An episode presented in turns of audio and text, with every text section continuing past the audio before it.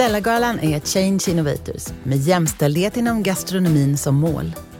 Teamet bakom Stellagalan arrangerar förutom den årliga galan ett forum samt debatter, möten och samtal. I den här podden samtalar Stellagalan om viktiga frågor med människor i vår bransch. I studion idag sitter jag, Annette Rosvall och Anita Lindström från Stellagalan. Med oss på länk har vi Linnea Liljedahl som driver restaurangen Linnea och Peter i Örnsköldsvik och som också vann Stella Kock 2021. Vi har också med oss Sara Wennerström som driver Solhaga stenugnsbageri i Slöinge och som vann Stella bagare 2021.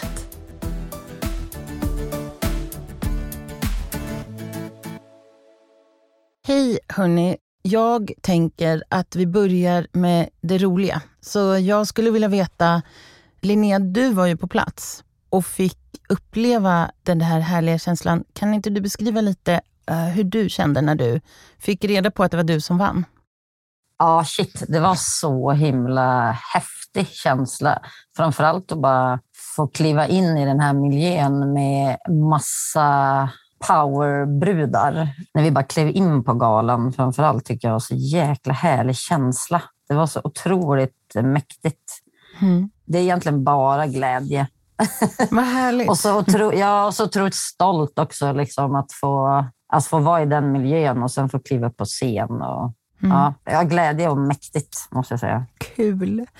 Mm. Sara, du hade en helt annan känsla. Du fick reda på det via länk tror jag och sen så firade du lite i efterhand vet jag. Ja, det var så himla fint. Alltså när jag fick veta det så satt jag ju hemma i min soffa och tittade på galan och tänkte att, alltså jag trodde ju absolut inte att jag skulle få det, så jag blev så paff och överraskad och alltså helt euforisk, verkligen. Och eh, alltså jag fick ju verkligen inte till att åka upp. Det var ju det, vi hade bokningar i restaurangen och sådär, tyvärr. Men eh, just i, i restaurangen så kom ju då Maria Prins och gänget och överraskade mig med en egen prisutdelning mitt i service där. Det var ju otroligt fint av dem. Så att jag, ja, hela, alla gästerna fick lyssna och eh, ja, vi fick extra mycket dricks den kvällen. det berodde på att jag kunde säga att ja, här har vi en brödkorg faktiskt ehm, eh, sammansatt av årets Stellabagare. Det kan jag ju säga till alla, till alla gästerna. Det, ja, det blev en väldigt festlig kväll i alla fall som jag fick. Härligt.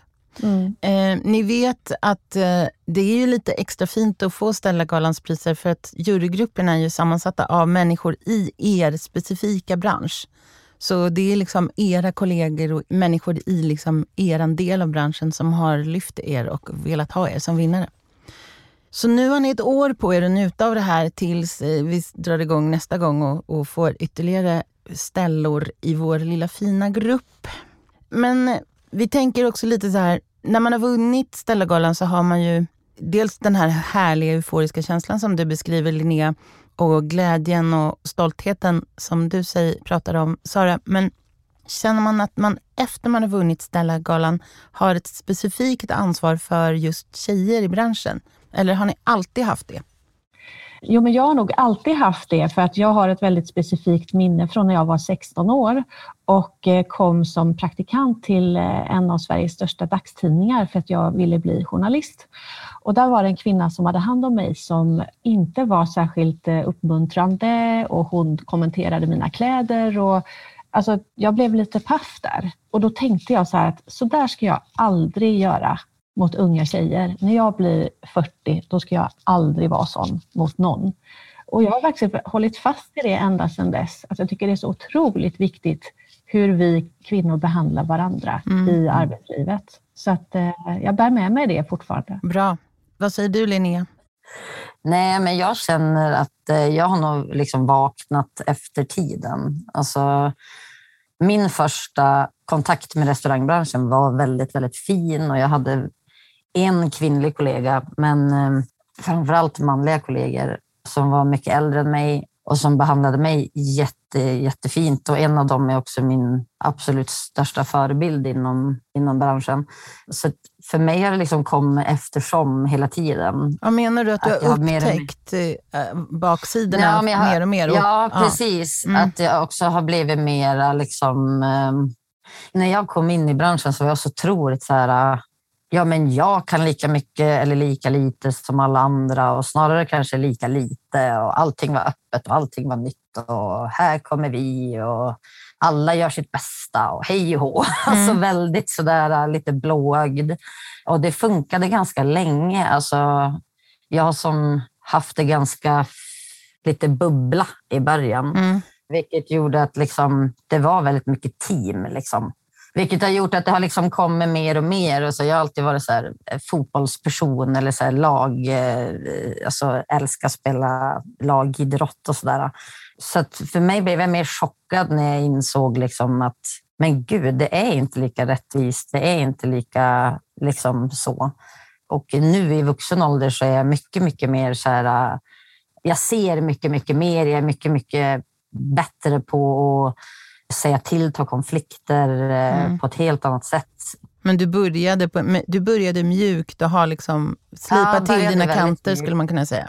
Ja, precis. Så Stella-galan har bara gett mig en väldigt fin push till att verkligen så här, ja, men jag har ett ansvar och jag har känt det ganska länge, men det är tydligare nu liksom att jag också kan liksom sträcka på mig lite mer och att jag känner så här, ja, men jag har faktiskt en röst som hörs uppenbarligen. Mm. Och den, är ganska, eller den är viktig och vi verkar ju i små samhällen, kanske båda två, du och jag och Sara, men på ganska olika platser. Det skulle jag vilja lyfta lite, för att jag, jag undrar vad ni tror. Är det så att det är tuffare, hårdare och lera, kanske lite annorlunda kultur i större städer och att man kanske får en mjukare och mer teamkänsla då i, i, en, i en mindre ort? Ja, det tror jag verkligen att det kan vara så. För att eh, jag bodde ju i storstad innan och jobbat både i Stockholm och Göteborg.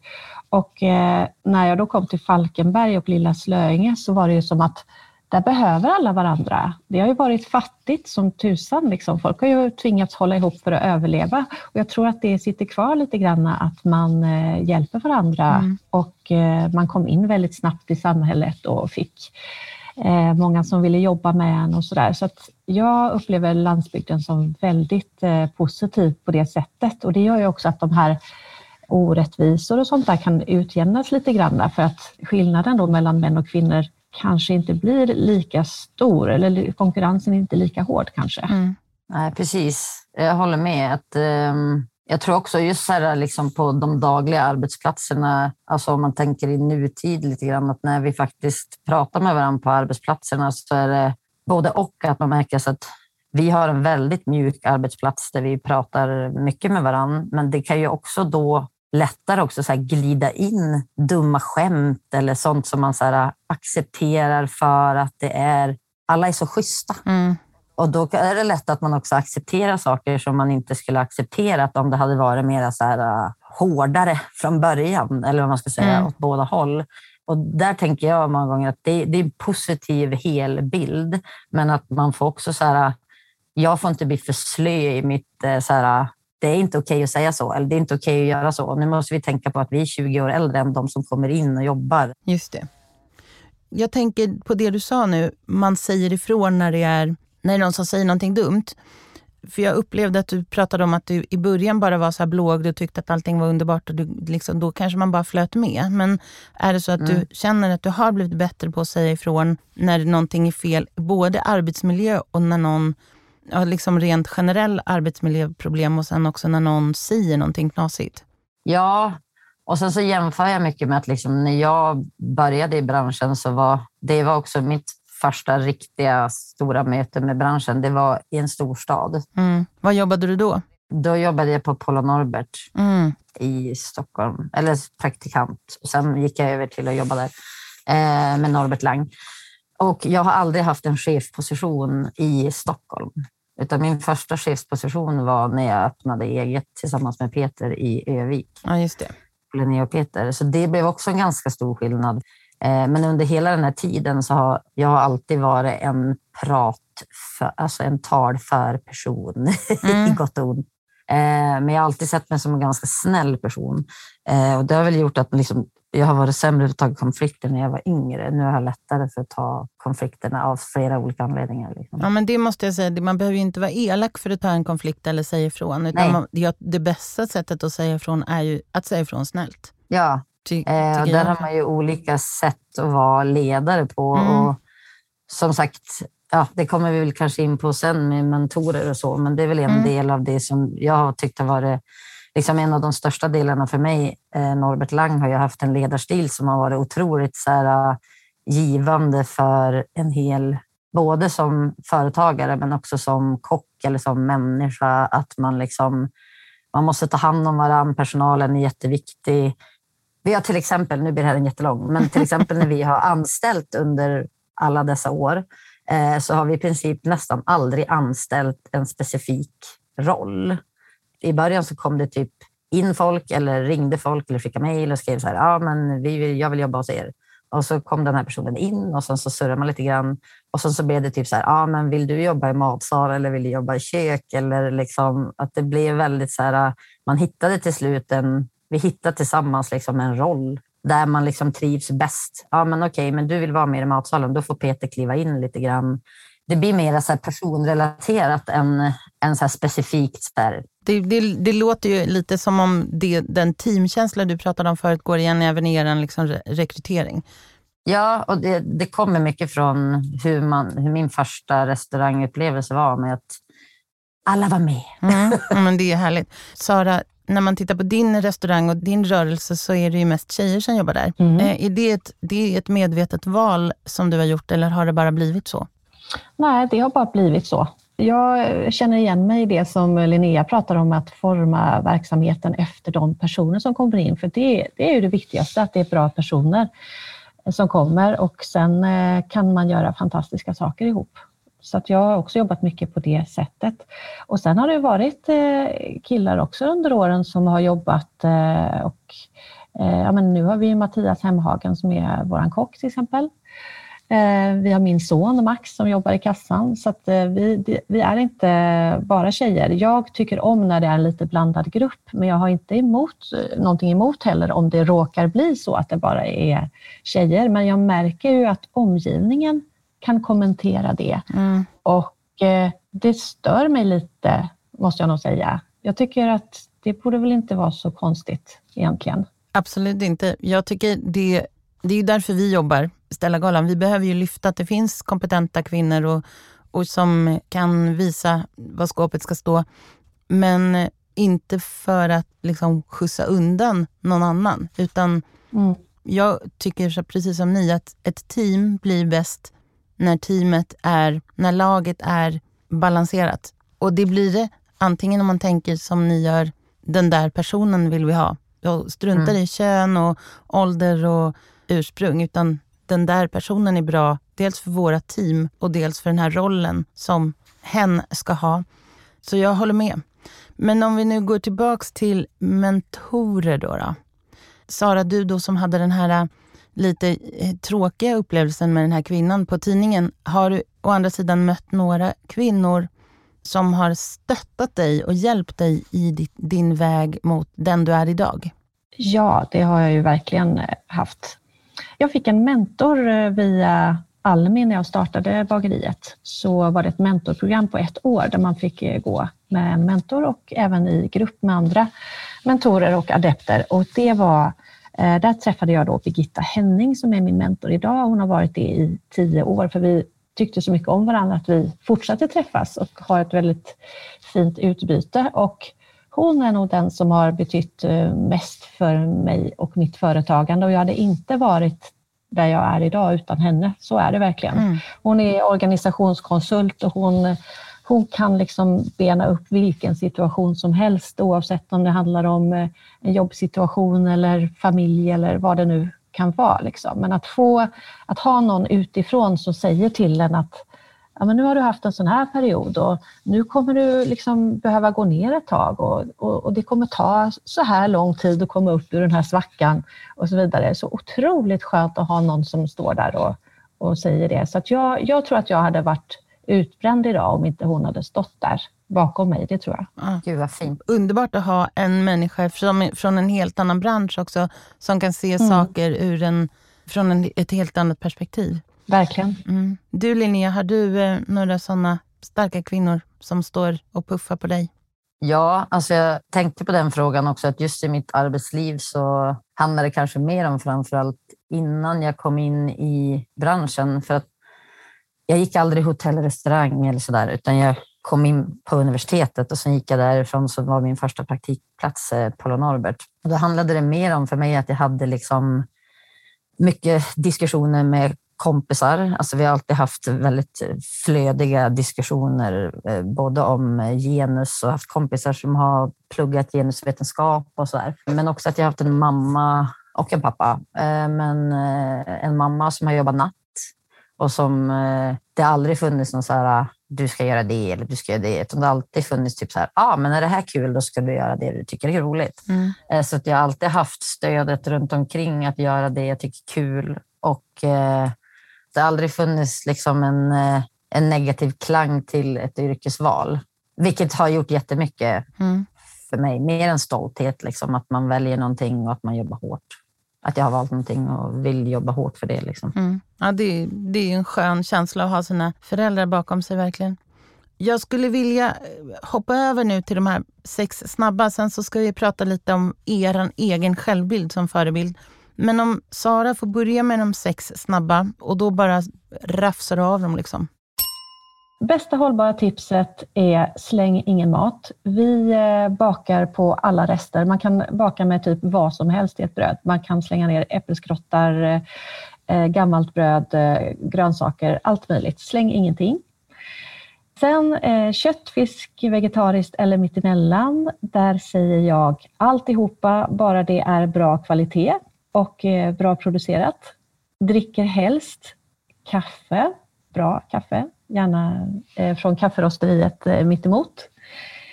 Sen vad jag äter till frukost, det är eh, havregrynsgröt och ägg. Det står man sig på en lång arbetsdag. Sen eh, vill jag rekommendera ja, en restaurang jag vill rekommendera, det är en av de nya här i Halland som heter Knystaforsen. Ett helt fantastiskt ställe i en gammal bruksort som, där det mesta har lagt ner, så har ett danskt par som heter Nikolaj och Eva byggt en otroligt fin restaurang där vi fick äta en avsmakningsmeny tidigare år som var en av de bästa som jag har varit med om, tror jag. Så det wow. rekommenderas varmt om ni åker till Halland. Åk till eh, Knystaforsen. Eh, undvik, och det är en sån jätteintressant fråga, men jag skulle säga så här med tanke på det vi har pratat om innan också lite grann, att eh, undvik att någonsin jämföra dig och vara avundsjuk på en annan människa.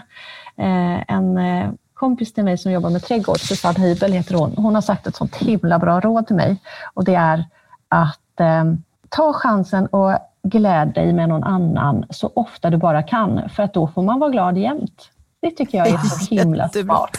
Vad glad jag blir över det där. Ja, Men jag skulle också vilja säga, visst, du har väl en egen... Du har ju ett eget konto, en egen... Du vill inte puffa lite för dig själv? För din egen rörelse, tänker jag. Att jag får rekommendera mig själv menar du? Ja, det tycker jag. ja. Folk vallfärdar ju till Slöinge för att handla ditt bröd. Ja, men alla är såklart jättevälkomna till mitt ställe i Slöinge. Mitt lilla bageri i uthuset och numera också restaurang hemma på vår nedre våning som vi har precis startat. Bra, tack för det. Bra råd. Eh, Linnea, vad säger du om de snabba? Bästa hållbara tipset tycker jag är att ha roligt på jobbet kött, fisk, vegetariskt eller mitt emellan. Det var mitt svar är mitt emellan. Men nu hör jag, jag kände direkt att jag ville koppa Saras svar där. Men, du, får, du får det. du får men, det. men ja, precis. Eh, jag är allätare så länge det är eh, schysst. Dricker helst eh, mjölk, juicigt rött och immigt vitt. oh, gud, vilken härlig kombination. Underbart. Mm. Jag äter eh, ägg till frukost i alla dess utförande. Har du någon favorit? Ja, just nu så är det som min son Jack säger, inte stekt och inte kokt. Det är mer som en inte riktigt varm panna och så steker man ägget och så sen så blir, rör man lite grann bara så att det blir lite söligt men inte en äggröra och Mm. inte stekt och inte kokt. Mélanger liksom. ja, exakt. Det måste jag prova. Ja, men det, ja, det är gott. Eh, rekommendera vill jag rekommendera.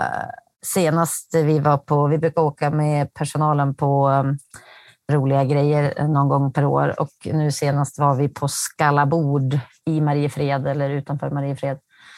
Fantastisk eh, kille som eh, driver hemma restaurang. Den lilla restaurangen under eken. Skallabord. Super, super trevligt. Åtta platser. Man sitter och tjatar med, med Gurra hela kvällen lång och han lagar bara hållbart och det han vill för stunden. Helt fantastiskt ställe. Det låter Skallabord. underbart. Undvik tyckte jag också var en ganska svår fråga, men jag känner att eh, just efter den här tiden som vi har haft nu och som vi fortfarande är inne i pandemitider så känner jag så här, personer med dålig energi Mm. måste undvikas. Ja. Det är mitt snabba svar på den. Jag måste säga att jag tycker att det är bra och intressanta vinklingar på de där frågorna. Men Linnea, vill inte du också tipsa om din egen rörelse? Lite grann kanske. Ja, men med tanke på hur eh, Örnsköldsvik varit i väldigt många år en genomfartsstad. Så, eh, och nu är det många som reser eh, inom Sverige och Höga Kusten är ju ett väldigt trevligt område. Eh, så finns det ju mm, väldigt mycket vacker natur, men det finns också väldigt mycket trevliga ställen att besöka. Och eh, vi är ju ett som ligger i uppkanten av Höga Kusten litet, familjärt och eh, står nästan alltid med öppen dörr. Så har vi inte öppet så kan man i alla fall komma in och dricka kaffe eller något. Säga hej. Det låter helt underbart. Det jobbiga med Stellagalan, för min del, är att jag har fått en bucket list på att resa runt i Sverige som är monumentalt lång. Och nu har jag fått ännu flera. De här två tipsen som ni eh, gav nu låter ju helt magnifika. Det är så härligt när, eh, när folk verkligen släpper sargen och åker och gör saker där de bara vill och inte liksom tänker att men vi måste nog ligga i Stockholm, och Göteborg och Malmö för det är där människorna finns. Det, så är det ju inte längre. Det tycker jag är så härligt och det är ni två verkligen både fantastiska förebilder för att man liksom kan driva en blomstrande rörelse där man vill. Skulle ni vilja utveckla det lite grann och bara säga hur ni har tänkt och, och varför ni hamnade där ni hamnade? Linnea, dig hör man ju varför du har hamnat i Örnsköldsvik, kanske lite grann med din dialekt. Men, men eh, kan du utveckla det? Varför åkte du från Stockholm till exempel? Nej, men jag tror alltid jag kände... Alltså det verkar vara någon, det är kanske en småstadssyndrom, men det är i alla fall en Öviks eh, syndrom. Att eh, man vill ofta komma hem. Många, alltså man lämnar Övik och sen kommer man tillbaks någon gång. Och det var väl lite grann min känsla under hela tiden som jag var i Stockholm också. Att så här, ja, men det här är svinnice, men någon gång kommer jag vilja flytta hem. Och när jag träffade Peter så var, det- blev det ganska tydligt ganska snabbt att vi ville göra någonting tillsammans. Och, eh, och då kände jag bara, men då gör vi det hemma. Då gör vi det i Övik. Är han också från Eh, Övik? och- nej, men han eh, ville vara med mig och han vill bo vid vattnet. Mm. och eh, det har vi gott om där uppe. Så då, och jag kände direkt att jag vill komma upp till Övik och jag vill göra någonting bra och göra det först, säger jag ofta. Och det kanske är taskigt mot dem som redan driver någonting i Övik, men just så här, vi har varit väldigt drivande och utvecklat ganska mycket i matkulturmässigt i Övik. Och att jag fick vara med från liksom att dra igång någon typ av att det faktiskt blev lite mer kulinariskt. Mm. Eh, och nu är det inte bara en genomfartsstad längre, utan nu är det en stad där folk stannar för att äta. Och vi har alltid känt så här, vi vill öppna, vi vill driva en restaurang som är en del av restaurang-Sverige. Att vi har öppnat en krog som skulle kunna ligga egentligen var som helst. Utan det handlar mer om att liksom vad man har skapat där man står och inte Mm. att det måste bero på massa andra saker. Utan att, eh, Nej, jag fattar. Alltså visa platsens hjärta och, och mage. Liksom. ja, exakt. Hur tänkte du, Sara? Alltså, hade någon sagt till mig att jag skulle bli bagare i Slöinge, då hade jag ju aldrig trott på det. Utan det kanske var liksom mitt livs eh, bananskal där som jag halkade på när vi köpte det här huset Solhaga, eh, som vi hade tänkt att bara ha som ett sommarhus. Men eh, storstaden, ja, på något sätt kanske jag var lite färdig med den. Och jag har, alltid haft som taktik att min energi inte riktigt kommer till sin rätt i ett visst sammanhang, så går jag vidare. Och det var lite så att det var lite färdigt med storstan. Och eh, vi upptäckte hur fantastiskt det var att bo utanför med naturen nära och ja, men jättefina grannar och allting. Så att vi tänkte så här, hur kan vi skapa oss ett liv här i Slöinge? Och då hade jag börjat baka med surdeg mycket och jag hade eh, startat en blogg som handlar om surdegsbakning och inredning och sådär som heter Sara bakar som fortfarande lever lite grann. Och eh, det blev ju början på den resan där jag ja, jag började på en hantverksbagarutbildning för Jan Hed och det ledde till olika kontakter som gjorde att jag bestämde att men, jag kan också driva ett litet bageri i Slöinge och här finns ju så mycket annat eh, hantverk och kultur, en, en lång tradition tillbaka med Bertekvarn och Gudmundsgården och Sia glass och sådär i, i den här lilla byn. Så då tänkte jag att ett bageri här blir ju perfekt. Men det lustiga var ju att det var ju bara jag som trodde på det, utan alla andra tyckte ju bara stackars dig, kom till Slöinge, vad ska du göra här? Allting har ju liksom bara lagt ner och det kommer inte gå bra för dig och, och ditt bageri och så, medlidande och så. Men jag började bara prata positivt och säga att det går skitbra och det finns så mycket här i Slöinge och titta vad vi har. Och jag och min man gjorde en karta över byn med alla små antikbutiker och sånt där som fanns. Och helt plötsligt så blev det synligt när man liksom satte allting på en karta tillsammans att wow vad vi har här. Och då fick vi en utveckling i byn att byborna själva blev stolta och det ledde till en väldigt positiv utveckling. att Fler flyttade in och fler startade grejer och så. Så att det är en utveckling som jag kanske är ännu mer stolt över än mina egna företag att vara med och bygga samhället på det sättet genom sitt företagande, det känns ju otroligt meningsfullt. Mm. Och det kanske man kan göra på ett annat sätt på landsbygden än i storstan. Vi ja. blev ju mer synliga. Mitt bageri hade inte synts på samma sätt om det hade legat i, mitt i Göteborg. Nej, precis. Nej, exakt. Jag förstår. Mm. Hörrni, jag tänkte avsluta med att ni ska få fundera lite på och säga vad ni tror om vad, ni som förebilder och Stellagalan vad vi kan tillsammans göra för att förändra branschens rykte och vad det finns för utvecklingspotential. Ni kan bara få säga någon kort mening om det som avslutning. Och ja, lite så, hur kan vi tillsammans göra så att den här kraften som jag känner att ni har i era tankar just med företagande och eh, generellt, att, att vi kan göra på samma sätt när vi tänker eh, jämställdhet och hållbarhet ur den synvinkeln. Förstår ni hur jag tänker?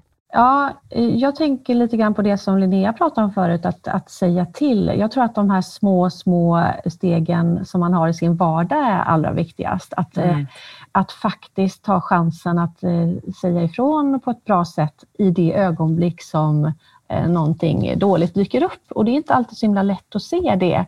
Och man kan också behöva tänka efter rätt länge innan man säger någonting för det kan ju också få motsatt effekt eh, i värsta fall. Mm. Men eh, ofta blir det ju så att den som uppmärksammar ett problem eh, nästan blir problemet.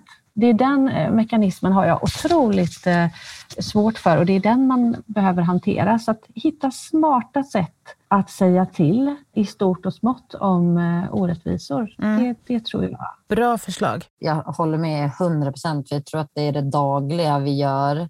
Det dagliga alla gör på restaurangerna varje dag. Vi har ju tusen möten varje dag på våra eh, arbetsplatser. Både med, med varandra tillsammans med de vi jobbar med och de vi möter. Men att säger man till lite grann varje gång, då blir det inte världens största grej att säga till om. Mm. Eller alltså, förstår ni vad jag menar? Alltså, det blir inte världens största liksom, diskussion varje gång om man bara liksom så här, den där samtalstonen har vi inte här. Eller ja, om man hela tiden underhåller en diskussion tror jag är super, superviktigt. Och att man lär varandra att vi har ett gemensamt ansvar och att alla i en arbetsgrupp får känna samma ansvar gällande de grejerna. Att det inte bara vissa personer som har rätt att säga till, utan alla ska få uttrycka sig när det kommer till såna här grejer. Alla måste känna trygghet att våga säga ifrån, mm. att vi hjälper varandra med det. Det tror jag är super, superviktigt. Mm. Bra förslag. Tack för dem. Vi tar till oss dem och såklart sprider med den här podden så får alla ta del av era kloka tankar. Och vi ser fram emot att se er blomstra vidare i era rörelser och som förebilder och mentorer för de unga människor som kommer framgent här i vår bransch. Tack för idag, Linnea och Sara. Tusen tack. Tack, tusen tack.